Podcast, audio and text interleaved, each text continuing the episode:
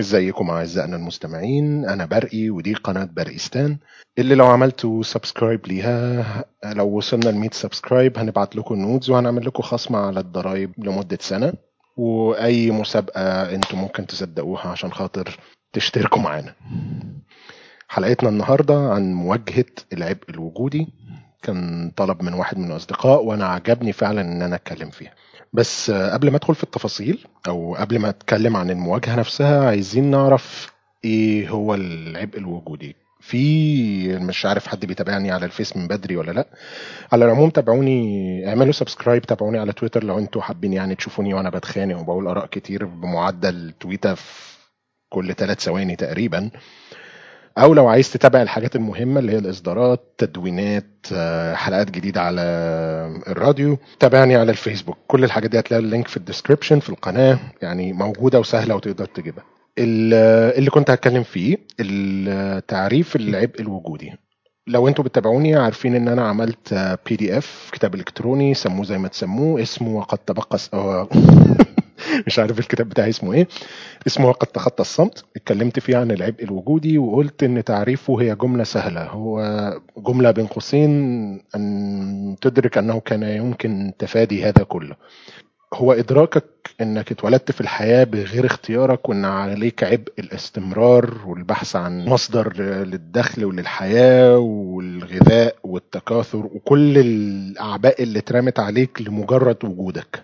وإحساسك إنك مالكش معنى وإن الكون ملوش معنى وكل الحاجات دي أنا بسميها في عرف يعني أنا بسميها العبء, العبء الوجودي. العبء الوجودي قبل ما اتكلم بقى عن مواجهته والكلام عن التدوينة اللي كتبتها قبل كده عن طرق السعادة طرق السعادة وازاي تجتذب السعادة ليك والتدوينة بتاعت مريخي والكلام ده أنا عندي في الموضوع ده اقتباسين عايز أقراهم الأول. أول اقتباس هو لشوبنهاور بيقول إن الغبية في عزلته هي إنه تحت وطأة بؤسه الشخصي بينما العبقري الموهوب يؤثث عالمه الصغير والخاص حتى ولو كان في الامكان في الأماكن المقفرة لتدب الحيوية والنشاط فيها. ففي العزلة يختزل كل واحد منا ما, ما عنده وفيما يجد بداخله أي في موارده الذاتية ولا شيء غيره فالميل إلى مخالطة الناس يتناسب طرديا عند الأفراد مع مستواهم الفكري. لذلك تجد المتدنين فكريا من العامة والدهماء ميالين إلى المعاشرة الاجتماعية. فنحن والحالة هذه أمام خيارين لا ثالث لهما. إما العزلة أو الذوبان في الجماعة. ده أول اقتباس كنت عايز أقراه عن موضوع العبء الوجودي والناس بتتكلم معاه إزاي. هو الاقتباس ده بيتكلم عن الفكرة البسيطة بالبلدي يعني. الفكرة البسيطة بإنك بتحب تقعد مع نفسك إنك في الأساس أو البيزك بتاع اللايف بتاعك إنك تبقى حابب تقعد مع نفسك لوحدها. تاني اقتباس كان جملة هي أنا ترجمتها. هي كلام و... وإضافة مني. كان قالوا مدون فلوجر على rationality rules عن مقولة لتشارلز داروين. الاقتباس ده بقى بيقول إيه؟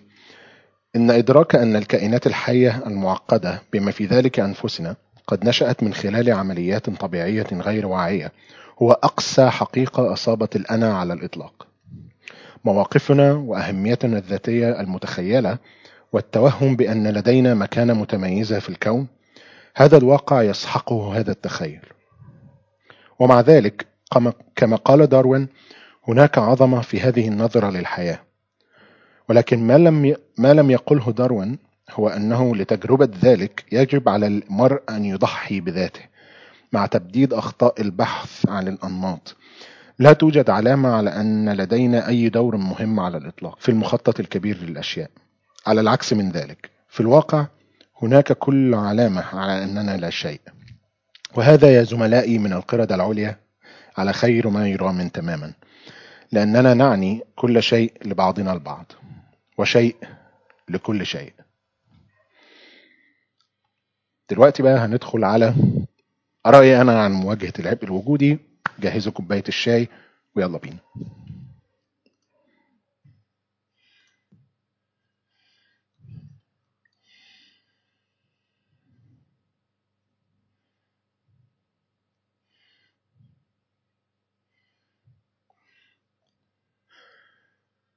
خلينا نتفق مبدئيا إن إحنا ك... كناس يعني ك... كبشر بنتفلسف أو كبشر بنصنف كحيوانات متفلسفة. عندنا يعني شبه إجماع أو شبه إدراك لأن إن ما فيش معنى موروث للكون. الجملة دي بتعبر عنها إن there is no inherent meaning in the universe. مفيش معنى موروث للكون الكون.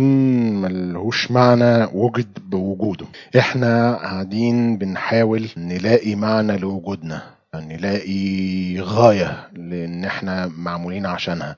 وبنبتدي بقى نطعم اعتقادنا أو تصورنا عن الغاية دي بحاجات اللي هتحصل بعد الموت لأن إحنا ما عندناش إدراك أو ما عندناش تخيل لأن إزاي الوعي اللي إحنا موجود في دماغنا ده كصفة ظهرت فينا كبشر متأخر جدا لكن إحنا محبين ليها جدا ومرعوبين من فكرة اختفائها.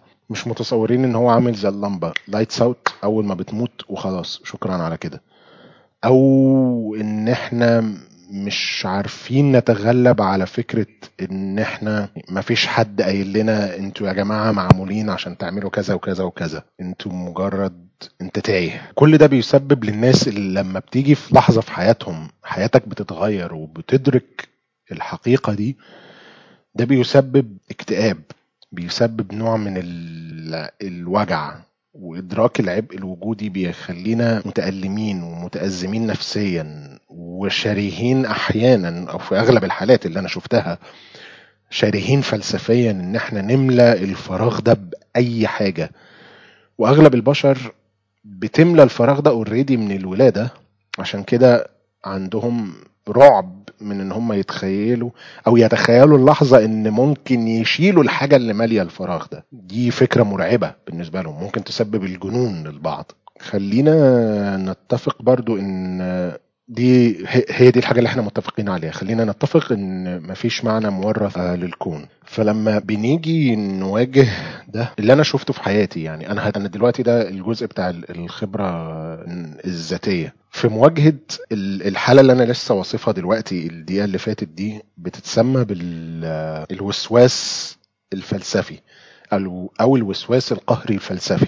إن أنت موسوس القلق ده عامل لك سيطرة مرعبة على تفكيرك أغلب الوقت وعلى حياتك ومش عارف تتخطى الموضوع. وهو ده اللي إحنا لازم نوصل إن إحنا نتخطاه. أنا شايف إن بعض الناس بتحاول تشغل نفسها بأي حاجة. في أفكار عدمية وفي أفكار وجودية. في اللي هيقولك إن خلاص طالما ما فيش معنى موروث للحياة أوجد أنت معنى حياتك لنفسك. أنا واحد من اللي مؤيدين للفكرة دي. ممكن توجد معنى حياتك لنفسك. بس في نفس الوقت عشان ما بحبش برضو شغل الناس بتوع التنمية اللي بيحطك تحت ضغط مجتمعي قاسي إنك لازم تكون عظيم ولازم تعمل تغيير في الكون ولازم تسيب بصمة.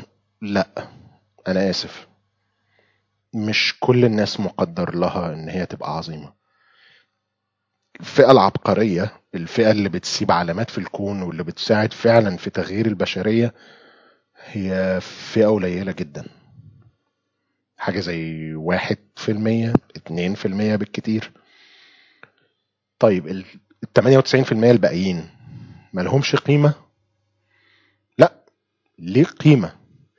بس بيخدعوا نفسهم أو وخصوصا في عهد أو في عصر ال social media بقيت انت مهووس لانك بقيت متابع شره وبقى مضغوط عليك أكتر وبيتعرض عليك كم معلومات أكتر من ناس مؤثرين مضغوط عليك بشكل مكربس يدفعك فعلا للجنون أو الاكتئاب إن أنت حياتك ما فيهاش حاجة وإن حياتك ملهاش معنى وإن أنت ما حققتش كتير. بطل تحس إنك بتجري في سباق. بطل تبص للناس أو بطل تبص للفئة دي على إن هي دي اللي المفروض يبقى شكل حياتك عليها. لو انت مؤمن بحاجة هتغير الكون فعلا اسعى وراها. لكن لو انت حاسس انك عادي ممكن تبقى عادي. الحاجات اللي انت بتحققها في الحياة هي الحاجات اللي بيحققها كل الناس. ده مش عيب وده مش غلط. بل بالعكس هو ده المطلوب. هو ده المطلوب ان انت تتقبله وتمبريسه في حياتك. انك عادي انك تبقى عادي. عادي انك تحقق طموحات بسيطة. إنك يكون لك هواية وانت طورتها. هواية مش بتدر عليك دخل. مش عظيم ومف... و... ومشهور قوي بيها وعندك 15 مليون follower وكل الكلام ده. عادي. أنا شخصيا اكتشفت قصة إن أنا بحب أكتب دي في إعدادي تقريبا. اشتغلت عليها كهواية. أنا still ما كسبتش من وراها الحقيقة ما كسبتش من وراها كتير. و still بحب أعملها كهواية. ولا زلت بعملها ك يعني حتى لما بنشر PDF أنا بنشره مجاني ما بعملش عليه حقوق ملكية. مش ضاغط على نفسي إن أنا لازم أبقى المؤلف العظيم لكن مع إن دي أكتر حاجة أنا بفرغ فيها أفكاري وأكتر حاجة بحس إن هي صديقي فعلا اللي موجود في الحياة هي الكتابة. بكتب يومياتي وقعدت فترة طويلة جدا بكتب شعر. أنا كتبت تقريبا 464 قصيدة. لو حد من الناس اللي تعرفني جديد ما تعرفش. وكنت بكتب يوميات وبكتب مقالات في مجلات وكتبت الجرايد ونوعت الحاجات اللي أنا بكتبها بس أنا حبيتها. أنا حبيبها كرواية بلاقي نفسي فيها. مش لازم أبقى العظيم اللي مفيش مني. فإحساسك بالضغط إن حد ضاغط عليك أو إن المجتمع والصور اللي أنت بتتابعها والشخصيات اللي أنت بتتابعها دي بتضغط عليك إنك لازم تبقى يعني انفلونسر وليه الناس دي بتعمل ده متعب ليك ده شيء سلبي. حاول تبعد عنه في حياتك. أنا عارف إنك سمعت كتير عن كلام الرضا لكن الرضا حلو. الرضا بقدراتك أهم حاجة خصوصا حلو. ما بقولكش انسى نفسك و... وما تعملش على إنك تطور ذاتك. الحقيقة اللي أنا عايز أقول لك عليها إن سعينا لمواجهة العبء الوجودي ودي الجزئية بقى اللي أنا اتكلمت فيها عن المقال أو التعليق بتاعي على تدوين عملها مريخي هحاول أسيب لكم الموضوع ده في الديسكريبشن. هي الفكرة إنك هتواجه العبء الوجودي بإنك تجتذب الحياة السعادة لحياتك. مريخي كان بيتكلم إن الح... السعادة شيء لحظي في الحياة وإن الأصل الألم. أنا متفق جزئيا معاه إن الأصل الألم وإن الأصل التعب. بس السعادة مش بس شيء لحظي. السعادة هي فقرات في حياتك. وعليك إنك تسعى. بس زي ما بنقول إن استمرارية السعي مش هتحقق لك السعادة مضمونة. يعني لا تضمن حتمية الوصول. لكن السعي في الاتجاه الصح أو بالكمية الصح اللي أنت بتبص لحياتك وتقررها هيزود فرص إن تحصل الفقرات السعيدة في حياتك وتراكم هذه الفقرات في حياتك هيعمل جزء كبير من الذكريات السعيدة في دماغك. بحيث إنك حتى لو في يوم من الأيام واجهت صعاب هتلاقي إن عندك تراكم لأفكار سعيدة وذكريات سعيدة يخليك تقدر تتخطى الأوقات الصعبة في حياتك. الفكرة دي كانت فكرة حلوة كان موجودة في كتاب اسمه التعافي بالفلسفة. كانت حلوة أنصحكم تقروه. تمام فإحنا بننظر لحياتنا وبننظر على الماضي وبنسأل نفسنا هل أنا في وضعي الحالي بجتذب السعادة لنفسي؟ آه. يبقى ما تقلقش. ما تخليش فكرة العبء الوجودي دي تسيطر على حياتك.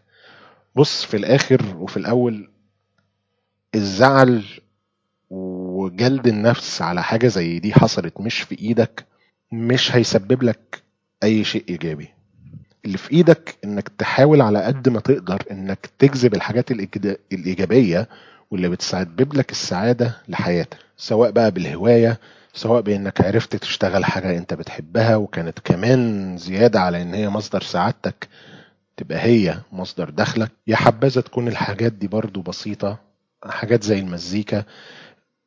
يا ريت برضو تتعلم إنك تستمتع بالحياة أو بالحاجات البسيطة. إنك تتعلم إنك تنظر للأشياء بتأمل يخليك تنبسط وتتبسط ببساطتها. ما تخليش الإجراء بتاع سعادتك حاجة معقدة. ما تربطش نفسك بسعادة معقدة. وزي ما كنا بنتكلم في أول. في أول الحلقة إن حاول دايما تنقي أو تختار الحاجات اللي بتسعدك حتى لو أنت لوحدك.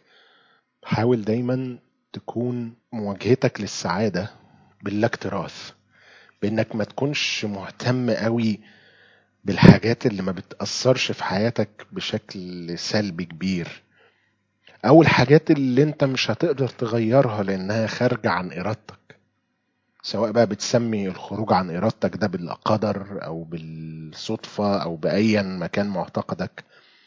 الاكتراث بالحاجات الخارجة عن إرادتك بيخليك تقدر توصل لهدوء وسلام نفسي بحيث إنك لو قعدت لوحدك في أوضة مش هتترعب من دماغك مش هيصيبك الهلع من مجرد وجودك في وحدة مع دماغك. زي ما قال آه، شوبنهاور صحبة دماغك هتكون هي مصدر سعادتك ومصدر تعزيتك في الحياة. أتمنى إن رأيي ده يكون عجبكم. وإن أنا أكون فدت أي حد. اعملوا subscribe للقناة like share لو عايزين تتابعوني على ال social media ال link في ال description أشوفكم الحلقة الجاية.